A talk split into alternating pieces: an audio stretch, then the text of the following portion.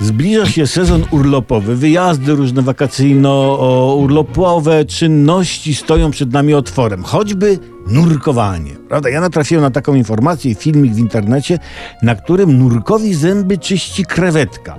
Koleś otwrał pysk, a bidne zwierzątko tam wyłuskiwało mu z między zębia, co tam zachował z posiłku. Miejmy nadzieję, że gościu nie jadł kebaba przed nurkowaniem, bo później bidnemu krewetku, jeśli to był facet krewetka, waliło z gęby cebulą, nie? Krewetek by nie miał później szans u płci przeciwnej. Cały psa w nos by mu panna krewetkówna na imprezie w atolu powiedziała. Cebulaku jeden. Nie chciałbym się tu nadmiernie wtrącać w życie podwodne i płciowe, prawda, tego życia. Nie jestem Dawidem Attenborough, ale od tego są kurde szczoteczki, wśród których wyróżniamy różne rodzaje, prawda? Jest czym czyścić uzębienie, nie trzeba niepokoić krewetek, one mają swoje zajęcia tam pod wodą i po co je odrywać od krewetkowania? Czy krewetki wychodzą na ląd, żeby im człowiek rzęsy malował? No nie. Jakiś zboczony ten nurek. No jakby się trafiła ryba piła, to, to by jej napój podebrał.